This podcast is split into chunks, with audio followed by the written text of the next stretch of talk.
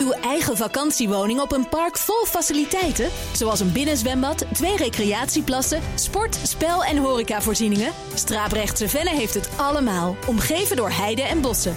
Lees meer op Brabantisprachtig.nl. De column van Paul Lasseur. De verbijstering was groot vorige week toen een historisch pensioenakkoord op het allerlaatste moment in rook opging.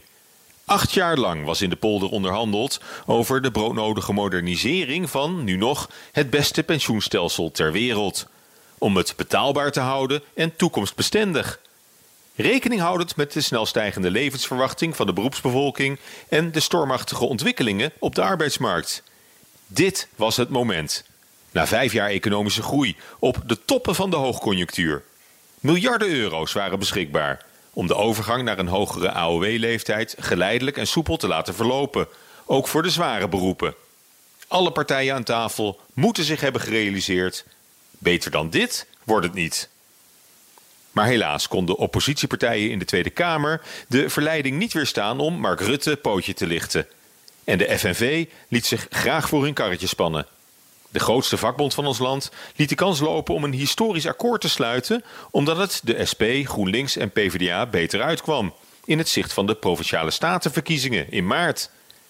Liever dan een stevig doortimmerd pensioenstelsel voor de lange termijn, met een breed maatschappelijk draagvlak in de polder, kiest de linkse oppositie voor politieke winst op korte termijn.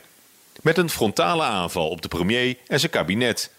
Alles om het beeld op te roepen van een wankele minister-president die voor de tweede keer in korte tijd een ambitieus project ziet mislukken. Eerst het afschaffen van de dividendbelasting en dan nu het pensioenakkoord.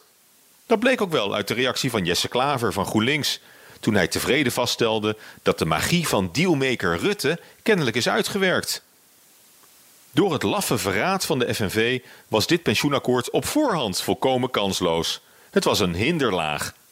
De SP had notabene al een Twitterfilmpje klaarstaan en zat met de vinger aan de knop te wachten op het moment dat de onderhandelingen klapten. Met eerlijke en open gesprekken in de polder over modernisering van ons pensioenstelsel had het helemaal niets te maken.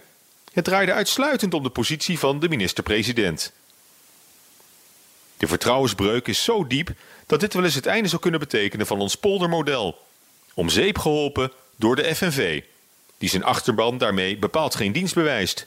De weg terug naar de onderhandelingstafel lijkt definitief afgesneden, omdat politieke scoringsdrift zwaarder woog dan de wens om er samen uit te komen in de polder. Prettige maandag! 1 juni opent Landal Greenparks vakantiepark de Strabrechtse Venne in Zomeren haar deuren. Vakantiewoningen op eigen grond aan of nabij het water met een solide rendement. Benieuwd naar de mogelijkheden? Ga naar investereninbrabant.nl